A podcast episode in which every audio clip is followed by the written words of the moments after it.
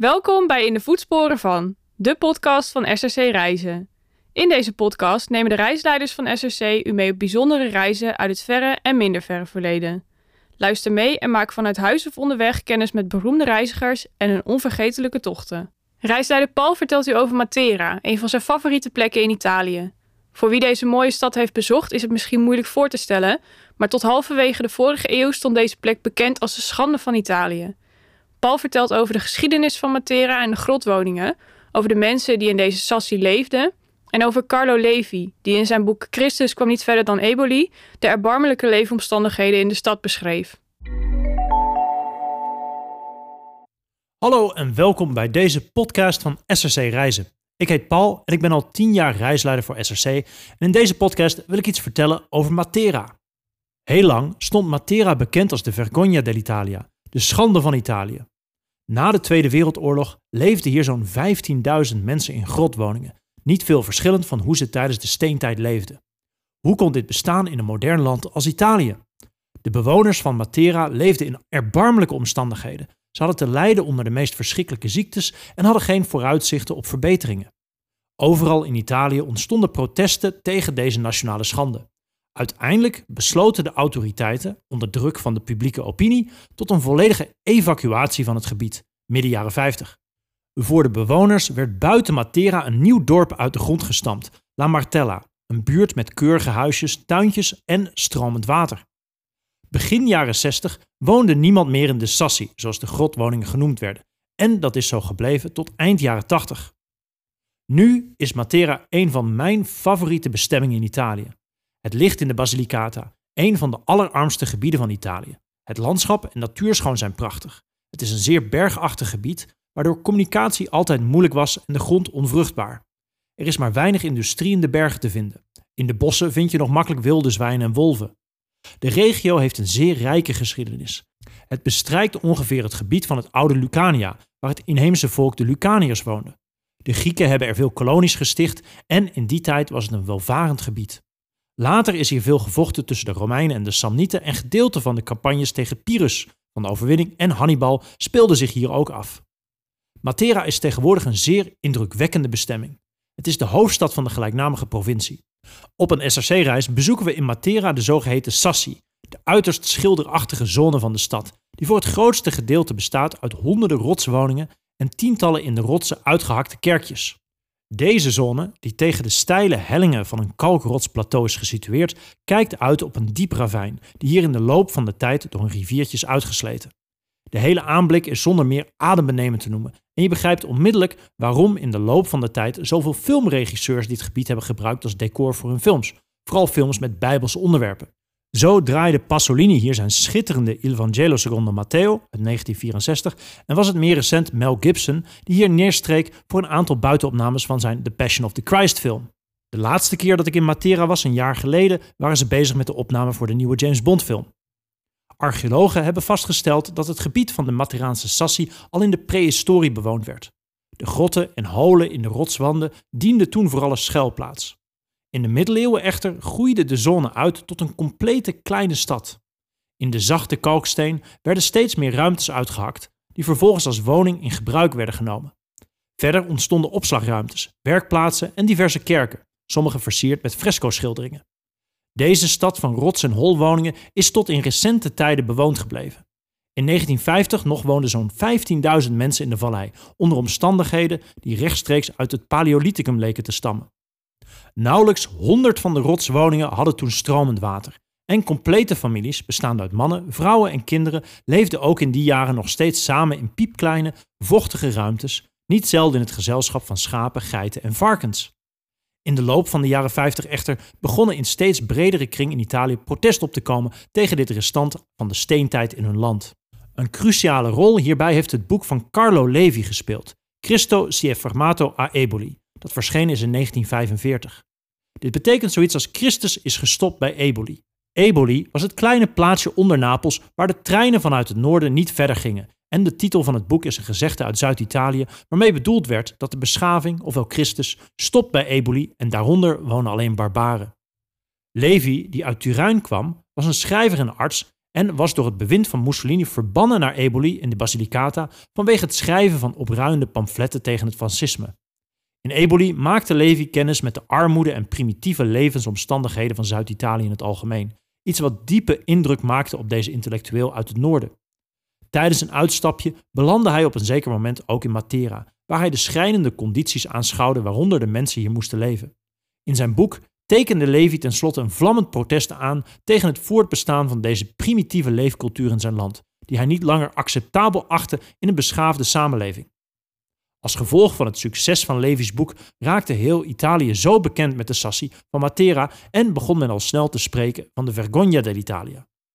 De bewoners werden geëvacueerd en alhoewel ze nu in moderne appartementen konden wonen, vonden velen toch moeilijk om aan nieuwe leefomstandigheden te wennen. Families hadden in de Sassi al generaties naast elkaar gewoond en de sociale cohesie was erg sterk en die werd in één klap met de evacuatie verbroken. Sommige ouderen vereenzaamden en keken met weemoed terug naar hun leven in de Sassi. In de loop van de jaren 80 nam de belangstelling voor de rotswoningen echter weer toe, vooral bij jongeren en kunstenaars. De grotwoningen van Matera zijn namelijk prachtig. Sinds 1986 is het mogelijk geworden om er geheel gratis een huis te betrekken. Daar zijn wel strenge voorwaarden aan verbonden, maar de vereiste restauratie wordt tot 60% door de overheid vergoed. Het leven in de zone is zo weer aan het terugkeren, maar het gaat niet langer om boeren met geiten en schapen, maar nu om galeries, wijnbarretjes, eethuisjes en interieurs die volgens de laatste designmode zijn ingericht. Sinds 1993 staan de Sassi ook op de werelderfgoedlijst van de UNESCO en is de belangstelling voor Matera ook in toeristische kringen sterk aan het toenemen. Als je nu door Matera loopt, kan je je bijna niet meer indenken dat dit ooit de schande van Italië was. De oude stad is prachtig gerestaureerd en vol met leuke winkeltjes en restaurantjes. Om je een idee te geven van hoe het was, heb ik een stukje uit Carlo Levi's boek Christus is gestopt bij Eboli vertaald naar het Nederlands en dat zal ik nu voorlezen. In de vallei lag Matera. Waar ik stond, kon je het bijna niet zien, omdat de helling zo steil was. Alles wat ik kon onderscheiden als ik naar beneden keek, waren steegjes en terrassen die de huizen uit het zicht verborgen. Recht tegenover mij bevond zich een kale heuvel met een lelijke grijze kleur, zonder een enkele boom of teken van landbouw, alleen maar zongebakken aarde en stenen. Op de bodem van de vallei sijpelde een ziekelijke, moerassige stroom, de Bradano, tussen de rotsen. De heuvel en de stroom hadden een sombere, kwade aanblik die gevangen werd in mijn hart.